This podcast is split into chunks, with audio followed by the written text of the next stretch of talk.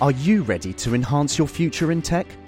Then it's time to make your move to the UK, the nation that has more tech unicorns than France, Germany, and Sweden combined. The nation that was third in the world to have a $1 trillion tech sector valuation. The nation where great talent comes together. Visit gov.uk forward slash great talent to see how you can work, live, and move to the UK. Hey, I'm Ryan Reynolds. At Mint Mobile, we like to do the opposite of what Big Wireless does. They charge you a lot, we charge you a little. So naturally, when they announced they'd be raising their prices due to inflation, we decided to deflate our prices due to not hating you. That's right. We're cutting the price of Mint Unlimited from $30 a month to just $15 a month. Give it a try at mintmobile.com slash switch. $45 upfront for three months plus taxes and fees. Promo rate for new customers for limited time. Unlimited more than 40 gigabytes per month. Slows. Full terms at mintmobile.com. Vi är sponsrade av Mindler och som ni säkert vet sedan tidigare så är vi ju ute på psykologresan tillsammans. Men hur vet man egentligen när det är dags att söka hjälp? Ibland uppstår saker i livet som kommer utmana oss och kännas tufft. Det mesta självläker vi oss igenom, för vi är menade att ta oss igenom en viss mängd påfrestningar. Men ibland behöver man professionell hjälp för att ta sig ur jobbiga perioder i livet. Men vart går då gränsen? Vad är en del av livets skavighet och när är det läge att söka hjälp? Det sägs till exempel att stress är farligt, men att det också kan vara bra. Alla sover dåligt ibland, så när har man egentligen sömnproblem? Ångesten kommer väl krypande för de flesta någon gång. Så när ska man se ångesten som outhärdlig? Hur vet jag? Med oss som psykolog har vi såklart min gamla psykolog Linnea Seidbrant. Okej, Linnea, hur mycket ångest är en del av livet och när ska man liksom söka hjälp för den? Ja, men ångest är ju en känsla som vi alla får då och då. Men när ångesten är så pass återkommande och intensiv att den påverkar ditt fungerande och orsakar ett stort lidande, då tycker jag att det är dags att söka hjälp. Sök hellre för tidigt om du är osäker. Då kan vi oftast med en ganska enkel insats förebygga svårare ohälsa. Och det är bra att tänka på att du förväntas ju inte kunna diagnostisera dig själv Mm. med någon fysisk ohälsa. Och det behöver du inte heller kunna göra när det kommer till din psykiska ohälsa. Vi kommer att hjälpa dig att avgöra. Gud vad det där är, alltså Det är det, viktigt. tror jag är haken för så många, inklusive mig själv, att jag ska redan veta vad mitt problem Jag ska är ha innan jag kommer till... in. Ja. Ah. Jag ska komma till psykologen och säga hej, jag har liksom eh, PTSD och trauma och eh, kanske eventuellt ADHD och eh, är nedstämd och kanske en depression. Alltså, jag vet. Precis, och vi, jag menar, vi har ju pluggat i fem år, vi psykologer, just för att kunna göra bra och grundliga bedömningar. Ja. Så lämna det till oss. Ja, gud vad, alltså varför? Ja, det är jätteintressant. Ja, verkligen. Ladda ner Mindler till din telefon och läs mer på mindler.se.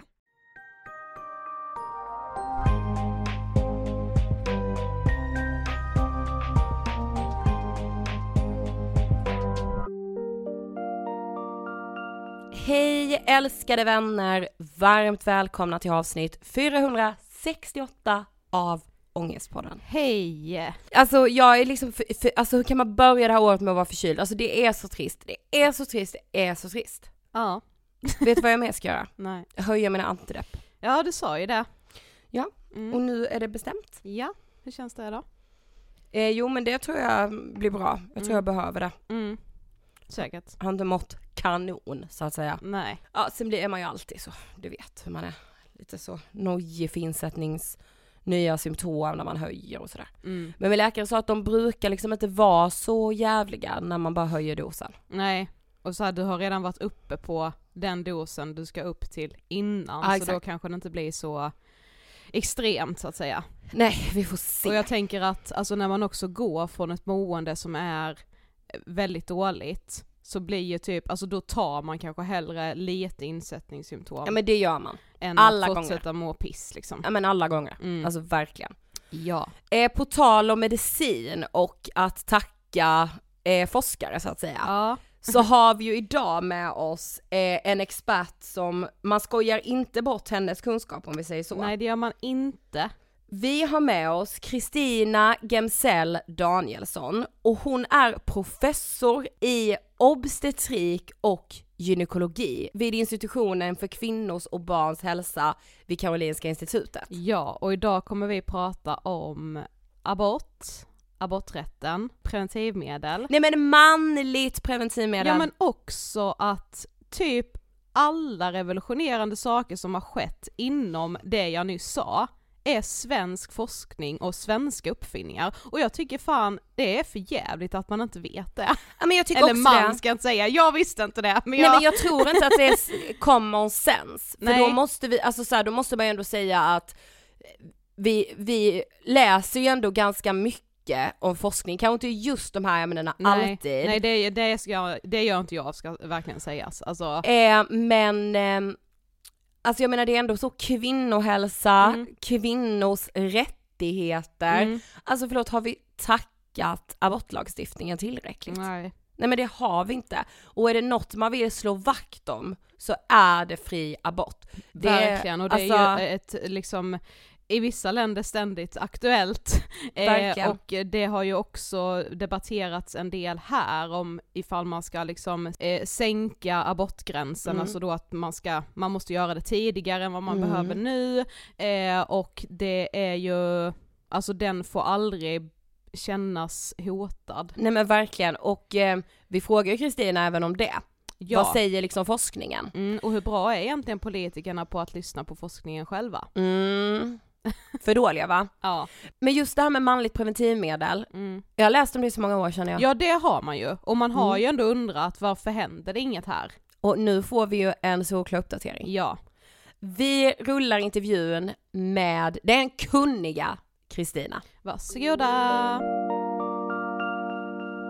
Hej Kristina och varmt välkommen till Ångestpodden! Tack. Nu blev, jag blev lite starstruck här nu när vi pratade innan, för jag och Sofie är, vi älskar forskare, alltså ni är liksom det viktigaste som finns. Och nu när du sa att du hade varit på Nobelmiddagen, Ja, då kände jag wow. Ja, och det är ju faktiskt wow. Ja det är faktiskt det det. är det. Eh, men du ska få berätta, vem är du? Eh, Jag är Kristina Gemsell Danielsson som är forskare på KI, Karolinska institutet, eh, och överläkare på Karolinska universitetssjukhuset.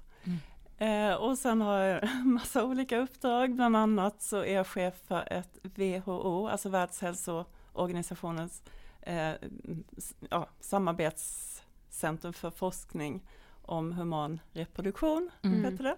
Mm. Vad tänker du på när du hör ordet ångest? Uh.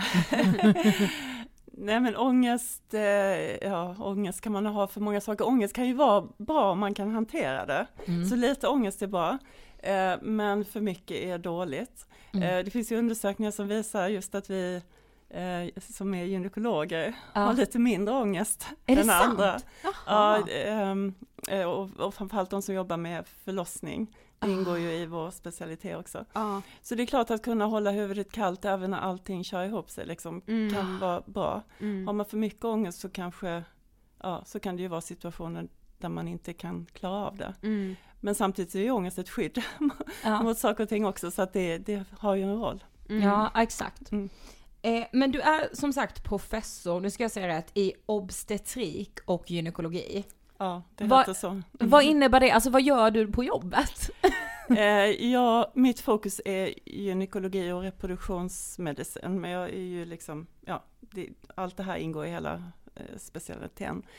Eh, jag, har, jag har jätteroligt jobb, jag har så många olika delar.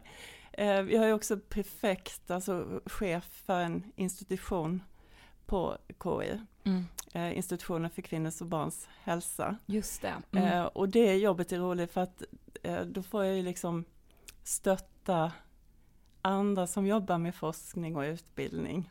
Mm. Eh, så det är väldigt kul. Och sen samarbete med sjukhuset då. Eh, för vi vill ju att vår forskning ska komma patienter till nytta. Mm. Eller samhället till nytta för att förebygga sjukdom och ohälsa. Mm. Eh, så jag brukar säga att mottot för vår forskning är från bench, alltså från labbet, Ja. To bed, det är Ja. den kliniska forskningen, to the hands of women och det är det här globala. Mm. Ah.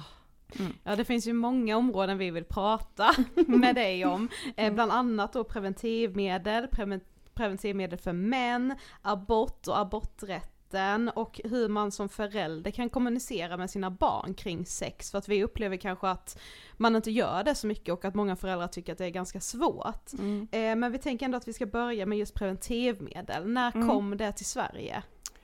Ehm, alltså första eh, preventivmedel på olika sätt har ju funnits genom historien. Ja. Man har ju använt eh, ehm, hur man kom på det kan man ju fråga sig med krokodilspillning och, Mm. och saker ehm, och olika frätande medel eller på 50-talet använde man Coca-Cola för att skölja bort spermier efter samlag. Så man hade förstått liksom att spermier var farligt. Så då, Ja, Ja. Ehm, men sen det, det första liksom effektiva preventivmedlet som ju ehm, ja, utvecklades för att kvinnor skulle kunna ta kontroll över sina kroppar och sina liv. Mm. Det är ju p-pillret, Dipill. Ja. Eh, och eh, det utvecklades i USA. Och på den tiden var det förbjudet att forska kring preventivmedel. Så att eh, Pincus som var professor på Harvard, eh, han kastades ut härifrån. Eh, men sen, eh, som tur var, så var det genom privata donationer så att han kunde liksom fortsätta den här forskningen. Eh, Så det första pillret, nej men det var ju en revolution. Ja. verkligen. Men var det förbjudet för att man inte ville ge kvinnorna makten över sin egen sexualitet Ja. eller vad?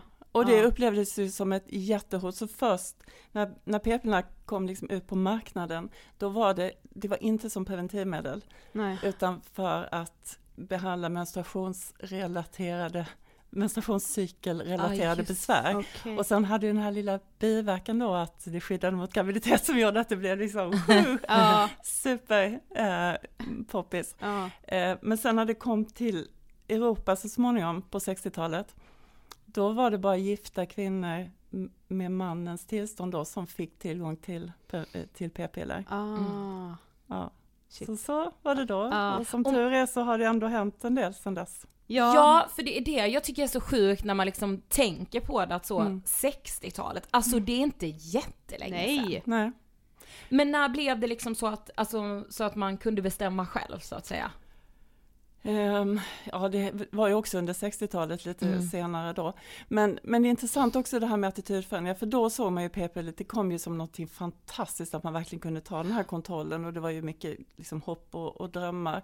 Sen så började man ju inse också att det fanns eh, liksom biverkningar och med tiden har det ju också blivit så att, att många kvinnor nu upplever som en belastning att, att man ska vara den som tar ansvaret och den som måste använda eh, preventivmedel. Mm. ja, Så att det har ju liksom skett en attitydförändring. Jag tycker ändå att det är viktigt att man har med sig hur det var innan p-pillerna kom. Mm. Eh, hur, när man inte kunde liksom ta kontrollen. Mm. Mm.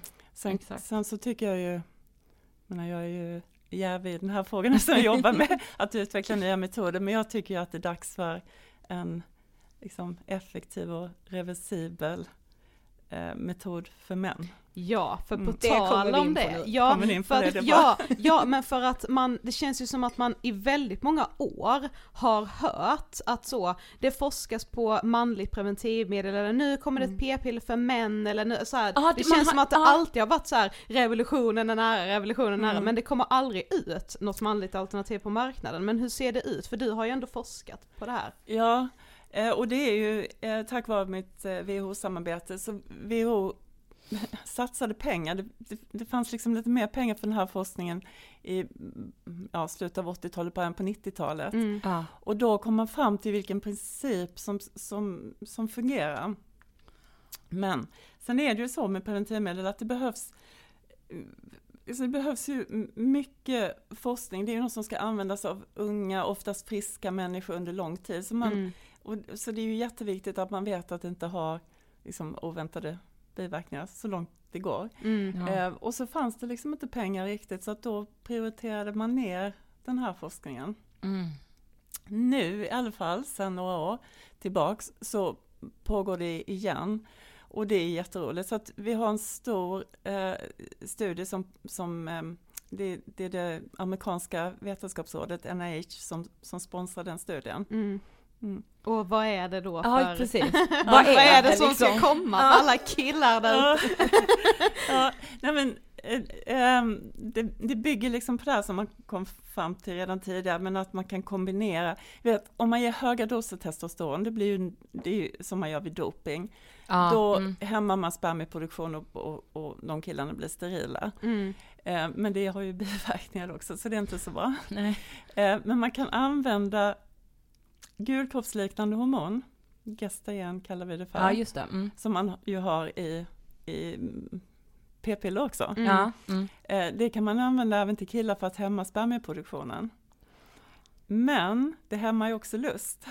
Mm. och potens och muskelmassa och sådana saker. Så att ja, det blir väl ett effektivt preventivmedel men inte jättepopulärt. Ja. Nej, exakt. Men det man kan göra då det är att man kan ge en låg dos testosteron som inte ger dopingbiverkningar utan bara ger tillbaks lust och eh, men den här positiva effekten på muskler och annat som man vill ha. Mm. Så den kombinationen, det är det som vi använder i den här p-salvan som vi studerar nu. Mm.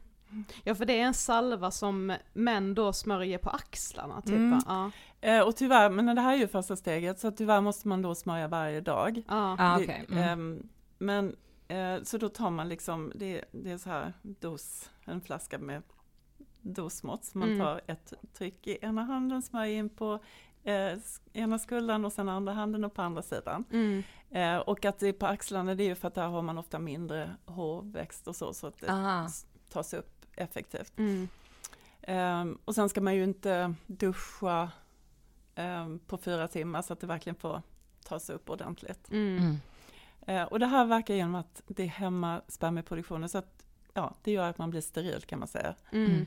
Men när man slutar eh, smörja sig så kommer, Ja, man blir inte steril för nej, alltid, inte liksom. för evigt, utan Nej. det kommer tillbaks. Ja. Men hur långt är det här liksom, alltså hur långt har ni kommit?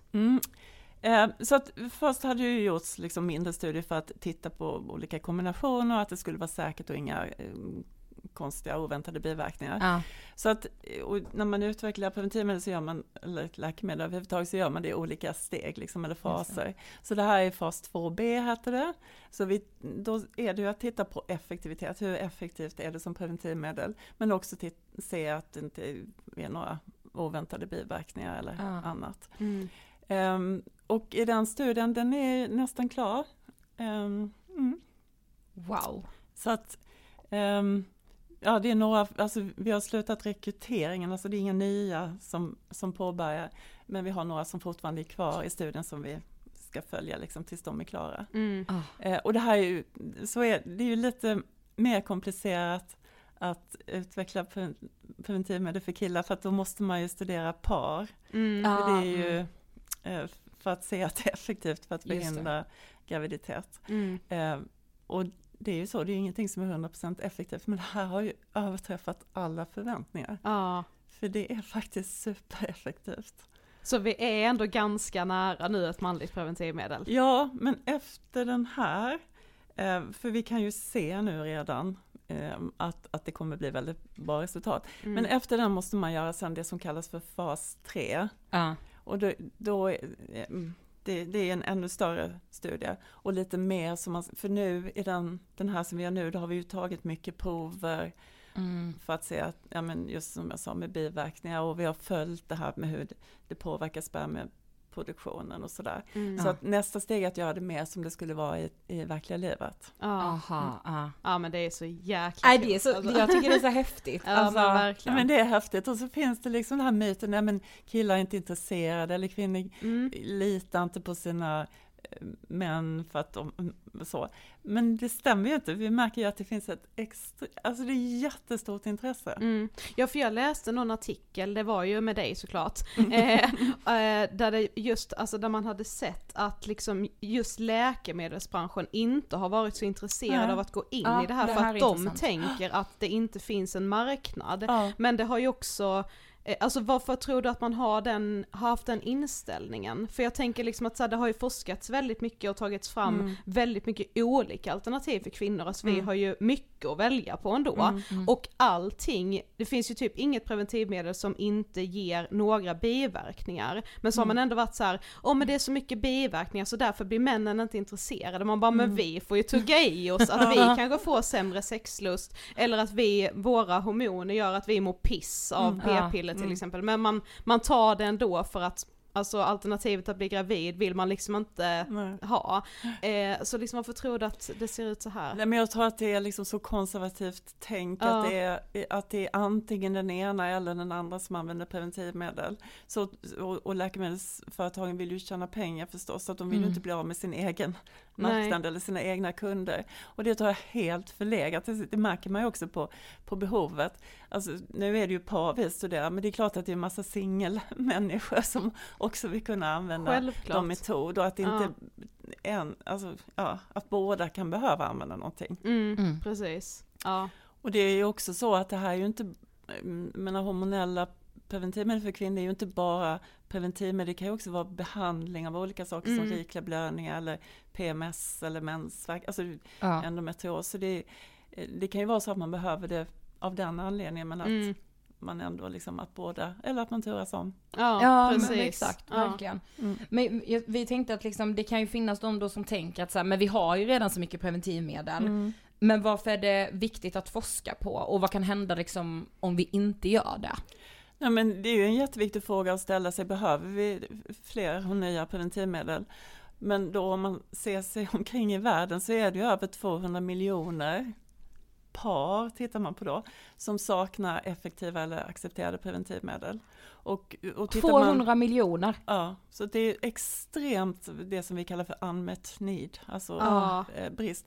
Och det i sin tur resulterar ju i, i men i värsta fall, dödsfall Mm. mödradödsfall på grund av osäkra aborter eller osäkra graviditeter. Ehm, eller påverkan på livskvalitet.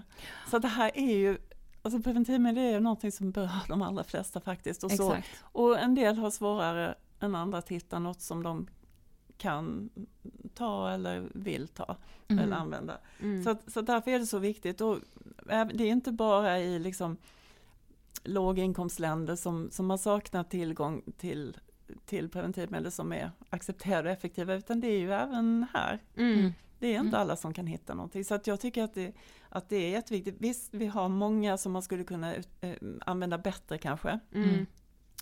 Ehm, och öka tillgängligheten då på vissa platser.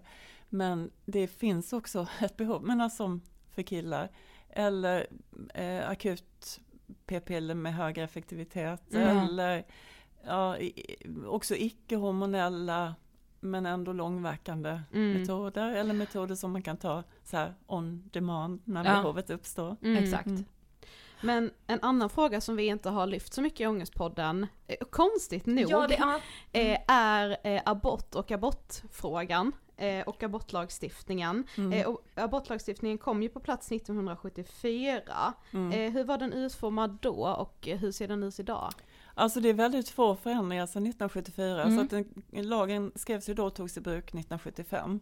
Och på den tiden hade vi ju bara kirurgisk abort till exempel.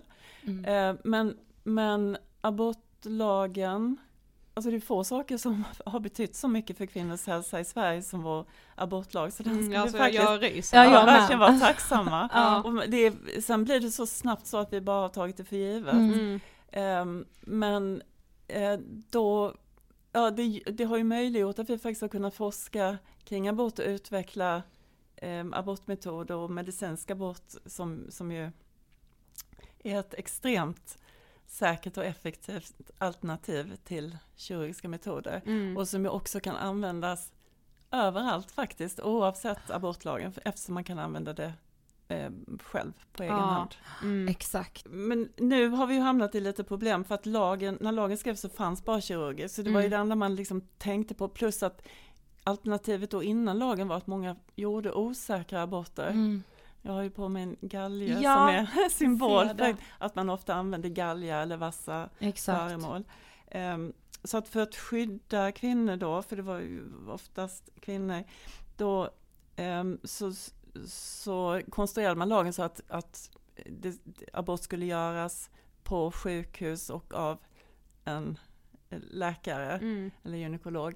Eh, Men det var ju för att skydda kvinnor mot de osäkra aborter, för det fanns ju, det är ju så här när man gömmer undan saker så finns det alltid de som, som kan tjäna pengar på det. Mm. Och så, och så var det här också. men, men i alla fall, så när lagen kom så, gjorde det, så möjliggjorde då att, att vi kunde eh, så småningom börja utveckla medicinsk abort. Men det gjorde ju också att man kunde liksom satsa på, för på den tiden hade vi väldigt hög frekvens tonårsaborter, för det, är ju liksom, det var ju en väldigt känslig grupp med mycket stigma Ja. och man vågade inte söka. Men när det blev legalt och vi kunde liksom, barnmorskor fick förskrivningsrätt, preventivmedelsrådgivning blev gratis, Mm. ungdomsmottagningar öppnade. Ja. Det gjorde att, man, att vi kunde liksom sänka eh, tonårsaborterna Ja. och jobba eh, preventivt. Eh, men men eh, ja, alltså, det här är ju någonting som jag brinner för och, och det är ju i vår forskargrupp, min han, eh, handledare Mark Bygdeman, det är ju hans idé som ledde till eh, det här medicinska abort. Mm. Gud, vadå så det är en svensk? Det är en svensk innovation som bygger på faktiskt ett Nobelpris också. Eh, Sune Bergström som var Ah. handledare till min handledare, han fick Nobelpris för att han var med och upptäckte prostaglandiner. Och då när Mark Bygdeman blev gynekolog så tog han med sig det till kliniken. Liksom. Så det var, och då på den tiden, eftersom det var så svårt att få tillstånd till abort så, så gjordes de flesta aborter, även de legala då med tillstånd, gjordes sent. Så att i medel, eller i genomsnitt var det 17 graviditetsveckor. Mm. Så det, Ja. det är det vi kallar för en sen eller andra trimesterabort. Mm. Och då började man, vi hade osäkra metoder helt enkelt Mm. som användes då, så, som man försökte utveckla som säkra alternativ. Och då använde man prostaglandiner för det ger eh, sammandragning av livmodern och mjukar upp livmoderhalsen så att det framkallar eh, abort. Eller det är samma som händer vid ett missfall. Ja. Ja. Eh, och sen så upptäcktes det ett läkemedel i Frankrike, Mifepriston, som man ibland kallar för abortpillret. Men det ensamt är inte så effektivt, så att det var kombinationen av de här Ja. två som ledde till det som vi idag kallar för medicinsk abort. Ja. Vad vi kan i Ja, Sverige. men alltså vi ska Alltså, vara så stolta vi över ska vår forskning alltså.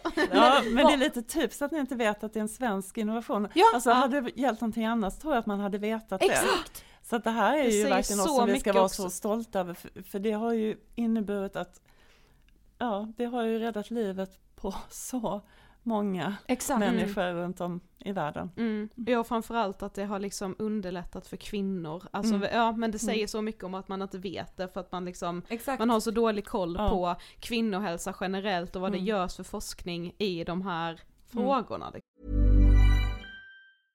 Hey, I'm Ryan Reynolds. At Mint Mobile, we like to do the opposite of what Big Wireless does. They charge you a lot, we charge you a little. So naturally, when they announced they'd be raising their prices due to inflation, we decided to deflate our prices due to not hating you. That's right. We're cutting the price of Mint Unlimited from $30 a month to just $15 a month. Give it a try at mintmobile.com slash switch. $45 upfront for three months plus taxes and fees. Promo for new customers for limited time. Unlimited more than 40 gigabytes per month. Slows. Full terms at mintmobile.com.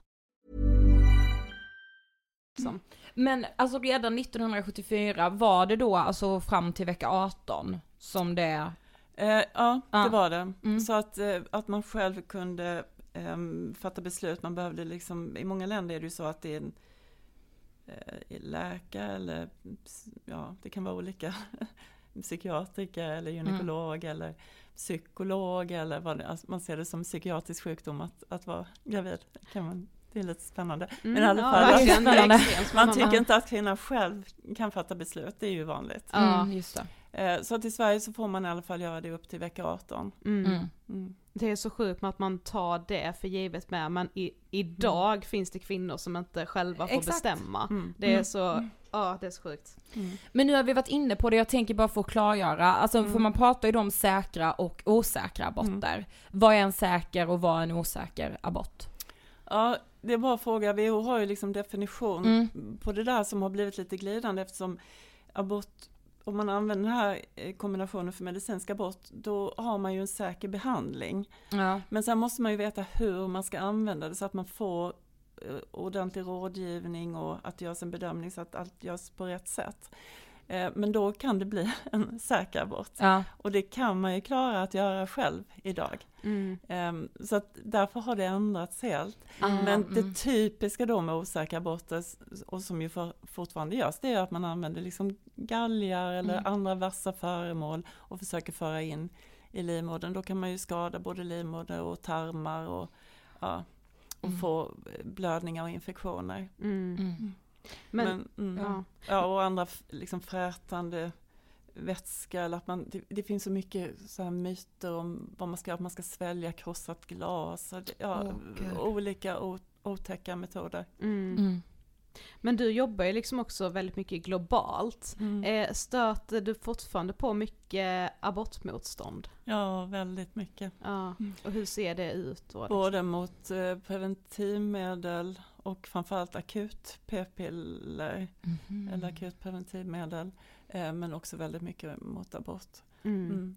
Och det är ju, alltså nu, ni vet det har ju hänt mycket tyvärr senaste året i, i USA, USA, med ett mm. ökat abortmotstånd och det, och det är ju inte bara där, det är ju också i Östeuropa och nu kommer det från Ryssland och Kina. Ehm, det, här, det är ju så nära förknippat med eh, demokrati. Så, Ja. Eh, och det är ju det som är så otäckt. Så att mm, det, ja, det här att inskränka kvinnors rättighet Rättigheter. leder ju liksom till mänskliga, inskränka rättigheterna för alla människor. Mm. Mm. Ja, alltså det är så svårt för en själv, alltså det är så ofattbart, alltså när man har tagit del av rapporteringen från USA, så, alltså jag har så svårt att förstå, man tänker så här, hur är det här möjligt? Mm. Och tänk alla liksom hundratusentals, miljontals kvinnor Mm. som drabbas av det här. Mm. Det är, alltså vi Och att har, det kunde gå så, alltså det är klart att det är ju ett strategiskt långsiktigt Mm, arbete som kändes som att det hände över en natt. Exakt. Mm. Mm, Men så var det inte, därför man måste vara observant för att Ja. Sverige är också utsatt för den här liksom påverkan. Exakt. Ja men jag vet vi har en, en, eh, en nära vän och kollega som är journalist, hon jobbade, Frida Söderlund, hon jobbade på Aftonbladet innan. Mm. Och jag tror hon gjorde en serie, eh, det är fyra eller fem år sedan, Mm. där hon just åkte till USA för att träffa liksom abortmotståndare för att då försöka förstå. Mm. Och då tänkte man ju så, oj hon har hittat några här liksom. Men då inser man ju, ja de, det började ju växa, alltså de hade ju redan hur mycket makt som helst Ja. då. Mm. De hade det för 20 år sedan, alltså. Mm. Men det, ja, man blir vansinnig. Mm. Ja. Om man då liksom ska tänka just det här motståndet, Mm. vad handlar det om? Alltså typ när du träffar då människor globalt eller om man tittar på USA. Mm. Eh, vad handlar motståndet om? Vad vill man liksom, varför vill man att det ska vara förbjudet? Ehm, nej men det är ju att det är hotfullt med, med ehm, kvinnor, alltså lite grann som när p-piller kom, att, att ge kvinnor för, för stor frihet eller för stora möjligheter.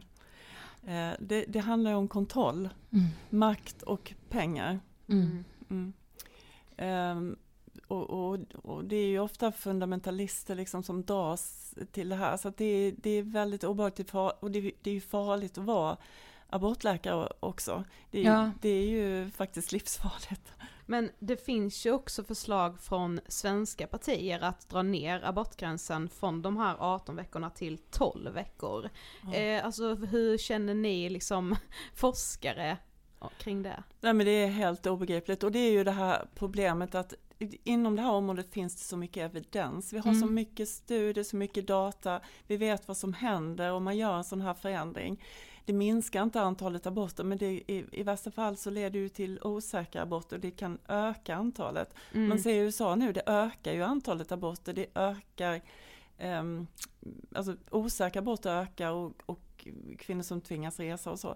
Så att det har ju inte den effekten att det minskar aborterna. Vill man göra det, då är det ju helt andra strategi. Då ska man ju se till att öka tillgänglighet till effektiva preventivmedel och, och ge möjlighet till att diagnostisera graviditeter tidigt och så. Mm. Så egentligen då, alltså när man lägger det förslaget så är det helt ovetenskapligt? Absolut, det är helt, är helt emot all den vetenskap vi har. För inom detta område så har vi så mycket data och kunskap. Mm. Att man inte Ja, det är ju lyssnar det. mer på Alltså, forskning. Alltså det Ja, gör jag tänker, så. det är ju Va? det vi, alltså evidens har vi av en anledning, det är ju för att då vet Ja. vi någonting. Mm. Alltså det är Ja, helt, och, och vi har ju- så mycket dåliga exempel genom historien när Ja. man har, som politiker som i Ryssland nu när man vill att det ska födas fler barn för att man i, i krigssituationer Mm. eller att man vill ha eh, öka befolkningen. Men kvinnor föder inte fler barn utan de gör istället då osäkra aborter. Ja. som kan kosta liv. Ja. ja men jag tänker också att det är ju en viktig liksom del av forskaryrket, att forskningen görs för att man ska ta beslut Mm. utifrån Ja, forskningen exakt. och inte göra raka motsatsen. Nej.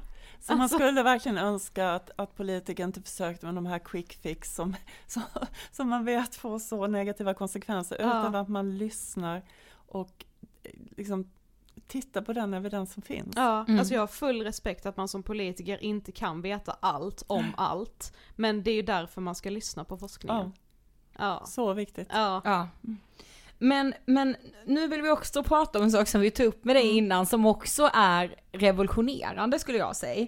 Om man nu liksom vill bli gravid eller kanske liksom inte vill bli gravid men kolla om man är det så har man ju de klassiska graviditetstesten där man kissar på stickan. Mm. Men det finns ju en ny produkt på väg ut på marknaden. Och du nämnde ju med på tal om det, kissa på stickan, att det är också svenskt.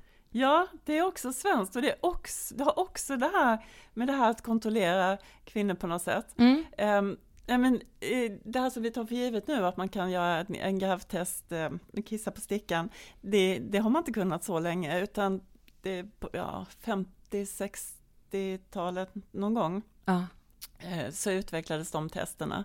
Och innan dess, då använde man eh, grodor och kaniner eh, för att se om någon var gravid. Det låter jättekonstigt. Ja, Men det var det underläkarna fick hålla på med. Och alla kvinnokliniker hade liksom egna labb där man gjorde det här.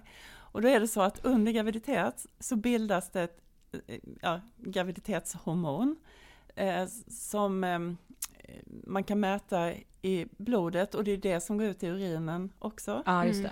det. Eh, och det är väldigt likt det hormonet som triggar ägglossning. Så att om man utsätter de här djuren för gravida kvinnors urin så kommer de börja få ägglossning. Så då kan man använda de här, det var ju liksom inga snabbtester kan man säga. det tog ju Nej, det lite var tid och ja. var lite jobbigt. Men så att, så var det i alla fall som, som man gjorde eh, gravtester. Och sen så var det då en eh, grupp i Uppsala, faktiskt en släkting till mig då, hans Nej. doktorand, som utvecklade första biokemiska, alltså att man kunde eh, framställa antikroppar som känner igen det här graviditetshormonet i urinen. Mm. Ja. Ehm, så att det, det var ju en revolution. Men Ja. då tyckte man att men det här, hur gör man med detta? Kvinnor kan ju inte hantera det här svaret själva. Hur ska de kunna tänka om, om de får veta att de är gravida? Det kan de Ja. ju inte klara av. Så att då, då var det fortfarande så att man fick lämna in urinen för att någon skulle göra testet och sen skulle ju då en läkare eller någon meddela Ge. Berätta. Ja. Så att jag tycker det är också så Det säger bara så mycket vad man har att- för bild Ja. av kvinnor. Att Ja, vi är precis, så hur vi liksom Ja, vi- marginaliserar, alltså hur Mm. rätten tas ifrån den. Mm. Ja och att vi Men- bara skulle bli så hysteriska Ja. vid alla liksom sådana Ja. ja, besked. Men hur länge har man kunnat köpa gravtester i typ, alltså idag kan man köpa det i mataffären liksom? Ja, åh, det är en jättebra fråga. De har ju Ja. utvecklats successivt, så idag finns det ju många olika typer av de Ja. här Mm. urintesterna, men det är väl sedan 70-talet tror jag. Jag Ja. är lite osäker på det. Ja. Men jag tror det, de har ju blivit allt känsligare. Mm. Så att, och, och det är ju det, eh, att, så därför har man ju kunnat, för fick man ju vänta lite längre innan man kunde göra sådana här test och få besked. Mm. Sen finns det ju alltid, vi har ju också möjlighet att mäta det här eh, graviditetshormonet i blodprov, men då ska man ju liksom ja, ta ett, ett blodprov och det ska Mm. skickas till labb och Mm. analyseras. Mm. Ehm, så det tar längre tid och, och så. Mm. Mm. Men det som har hänt nu då, Ja. ja eh, och det är helt nytt, det är att man faktiskt kan Ehm, det, det det är på samma sätt som- som när man mäter graviditetshormonet i urin, men nu kan man mäta det i saliv. Så då har vi liksom kommit ett steg längre i att liksom förenkla den, det här testet. Ja, Så det är ett gravtest som man kan ta genom att eh, ja, man samlar lite eh, saliv i munnen och så en liten sticka då som man sen läser av. Eh, ja, jag kanske beskriver det dåligt, men det är på ett jättelätt sätt liksom med det här ja. testet. Alltså det är så coolt Mm. Och att... det kan man göra, kan man köpa ett sånt test idag? Ja, det finns på apoteket. Och, och det som är lite häftigt med det här är att det faktiskt är en grupp doktorander som från början i Israel, som från början kom på idén. Ja, Så de höll på med sin forskarutbildning, sen kom de på den här idén och så har de eh, utvecklat den här liksom möjligheten att testa i eh, saliv. wow. Och alltså. Sverige är först i EU. Sverige är första landet i EU eftersom vi ändå, ja, vi står ju mycket för det här med reproduktiv hälsa och rättigheter. Så att det är kul att vi har blivit först med Ja. att få det här testet. Mm. Ja för vad tror du att liksom en sån här produkt kan ha för betydelse rent liksom samhällsmässigt och jämställdhetsmässigt kanske framförallt? Nej men det kan ju också förenkla. Och som jag sa, det finns ju olika eh, urintest och de har blivit känsliga. Men det här är ju så känsligt, det här salivtestet. Så, så en dag efter utebliven mens så kan man göra det här testet och få Och svar se. på om man är gravid eller inte. Så man behöver liksom inte hålla på och vänta. Nej. Ja, det är så häftigt. Ja, det är alltså. Och sen så är, nej men, det, det vet man ju att det kan ju vara svårt att kissa på beställning. ja gud ja. Och det får ju, om man ska göra ett, ett um, uringravtest får det ju inte vara för utspädd urin och sånt där. Ehm, det här blir mycket enklare. Mm. Man behöver ju liksom inte kissa överhuvudtaget. Man behöver inte Exakt. vänta på att bli kissnödig eller hitta toalett. Utan detta kan man ju göra när, vad som helst. Liksom. Ja, Och det är ju också då tillsammans med vem man vill göra det tillsammans med. precis. Ja precis. Att man kan känna den tryggheten med sin Mm. partner eller med en kompis Ja. eller liksom. Eller om man vill göra det själv ensam. Så att Ja, man, man, exakt. det ger ytterligare liksom valmöjlighet. Ja, och bara enkelheten i att så man, nu Mm. behöver man inte ens gå in på toaletten utan man Nej. kan sitta kvar i soffan hemma. Och man Ja. kanske är liksom, oavsett om man vill vara gravid eller inte så kan ju det vara ett extremt, en extremt utsatt situation. Liksom. Mm. Man är väldigt nervös och tycker att det är jobbigt Mm. och liksom, ja men det kan ju vara, på tal om ångest, få en väldigt ångestframkallande Det kan situation. vara väldigt ångestframkallande. Mm. Ja, Ehm, absolut. Ja. Och, men för många är det ju ändå det här att man vill ha beskedet så fort som möjligt. ja, Ja, precis. precis. Och de allra flesta vet ju då när de får beskedet hur de vill Mm, hantera det. precis. Mm. Men hur lång tid tar det att läsa av det? Eh, det går snabbt. Man, bara 30 sekunder som man samlar oliv, eh, saliv, förlåt, saliv och håller i munnen. Och sen så ska man vänta fem minuter när man för in det i en dosa. Mm. Och då får man besked eh, om man har gjort testet på rätt sätt. Så det är lite Mm. skönt, så man behöver inte fundera på det. Och det är ju jätteviktigt att man gör de här testerna på rätt sätt. Så Mm. då är det en indikator som visar det. Mm. Och sen så ser man också om man är gravid eller inte. Wow, alltså. Det är Nej, helt otroligt. Ja. Mm. Ja det är verkligen det. Ja. Älskar forskning. Och det här med de här känsliga gravtesten har ju betytt jättemycket också genom att medicinska brott kan man ju göra tidigt. Så att, Ja. eh, och, och det har ju inneburit att vi inte har de här väntetiderna som vi hade först, för. Så att Ja. när, man, när man får det här beskedet så kan man ju då, om man vet att det är abort man vill göra, så kan man göra det direkt och då vinner man mycket ehm, faktiskt slippa vänta och att man också om man gör det tidigt blöder mindre och har mindre Mm. ont. Så att Ja. det, det kan vara bra.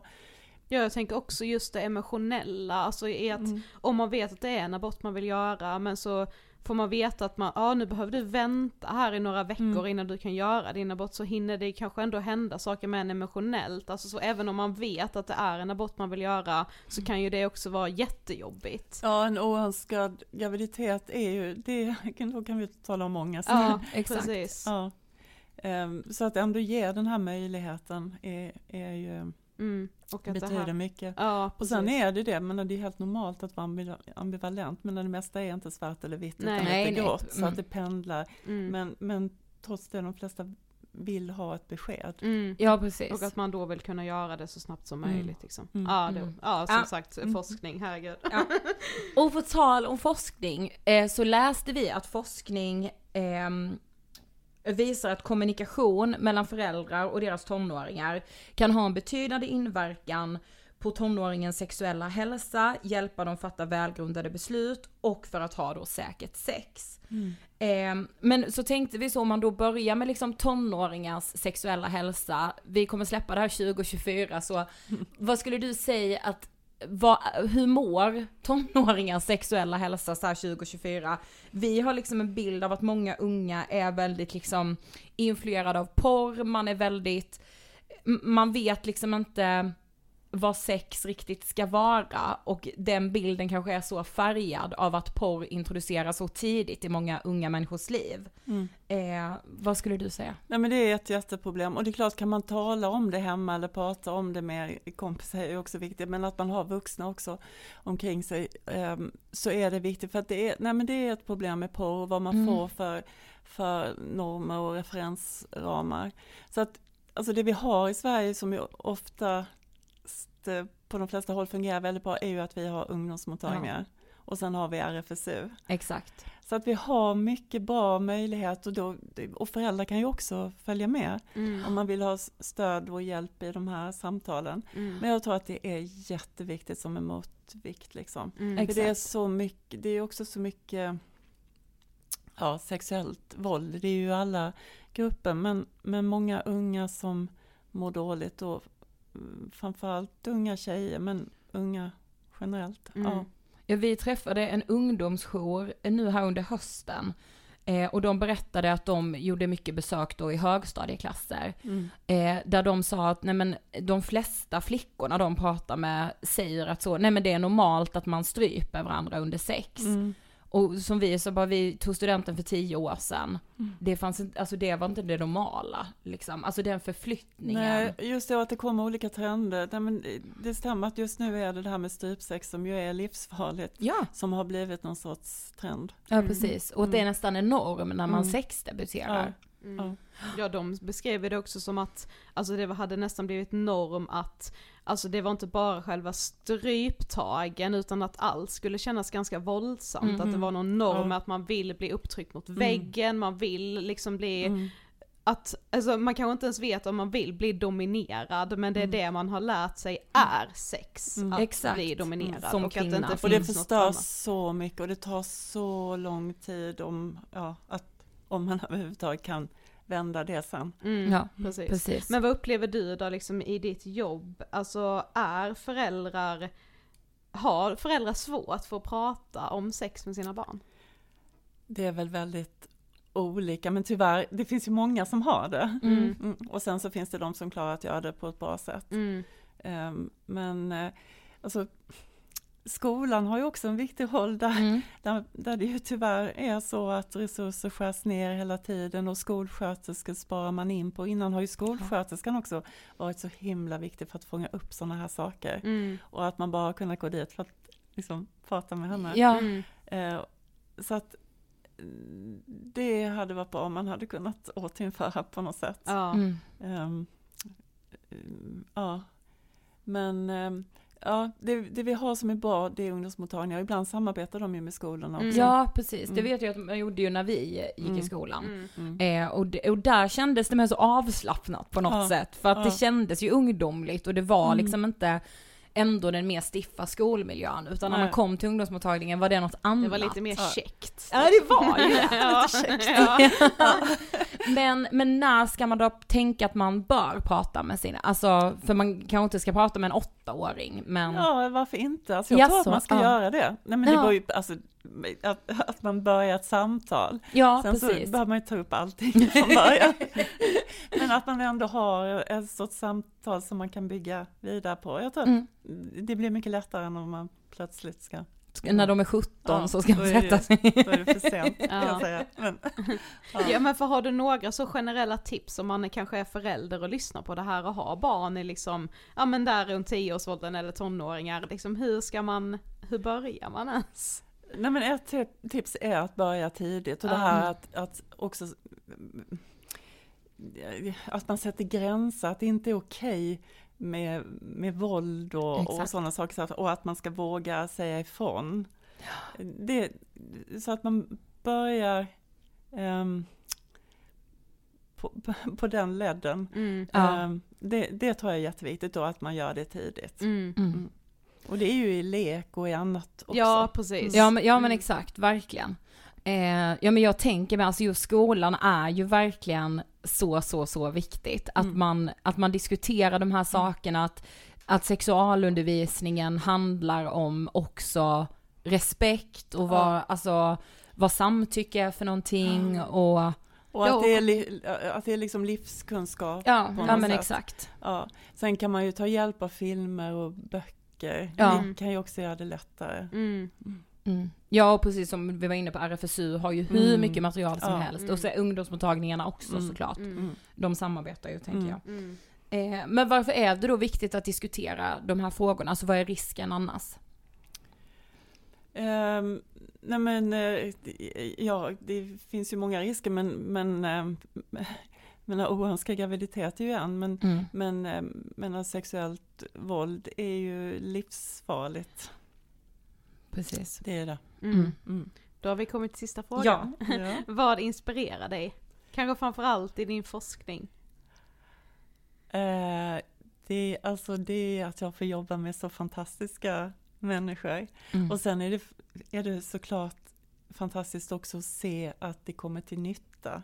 Ja. Det är ju liksom målet att det, att det ska eh, komma människor till nytta. Mm. Men det som är så roligt det är liksom själva teamarbetet, att jag får jobba med så underbara människor. Mm. Ja, och tror, alltså jag, det, liksom forskning är allt. Det Ja. har vi vetat länge men vet ännu mer efter idag. Ja, Kristina, tack för att du ville gästa Ångestpodden. Ja, tack. Tack! Nej men alltså förstå om det då är den här gällen. Mm.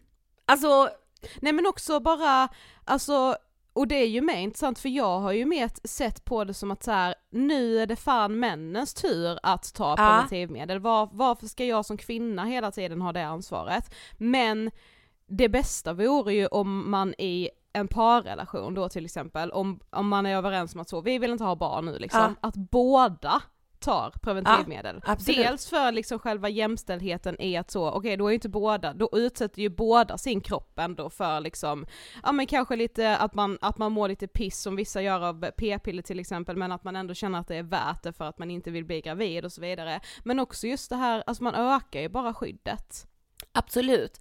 Men också, eh, som du säger, att många, får bi- många kvinnor får biverkningar. Ja. Att då så här, ja men vänta då får min partner skydda sig istället. Mm. För att ja, jag det är kan ju också inte. ett alternativ, men det bästa tycker jag är om båda tar. Absolut, Mm. men eh, alltså, och jag tror inte, eller så här, jag vet inte, men jag tror inte att män är så icke inställsamma till det. Det tror inte jag heller. Jag diskuterade ändå det med mamma för jag sa att vi skulle släppa det här avsnittet och att liksom så, ja men det är på gång nu ett manligt preventivmedel och så hon bara, ja men kommer någon vilja ta det? Och jag bara, jag har faktiskt ändå hopp om att många män skulle vara beredda att göra det. Alltså skryt, men Emil hade lätt gjort det. Ja. Jag skulle, skry, då skryter Det jag. jag hade gjort, upp till bevis. Ja, nej men jag, alltså jag, är, jag är ganska himla övertygad om det. Ja, okej. Eh, du tror inte mig? jo jag säger, jag säger varken bu eller bä, jag säger det upp till bevis för det finns ju snart. Det finns något. Ja. Gravtestet. Ja. Nya gravtestet med Ja. saliv. Mm. Alltså vad är det här för revolution? Ja men också bara så, varför vet man inte det då? Alltså varför har det inte basunerats ut mer att det finns? Du Alltså, är det vet- liksom bara, vi- Finns det redan på marknaden så var jag helt övertygad om att hon skulle säga nej men det är på gång.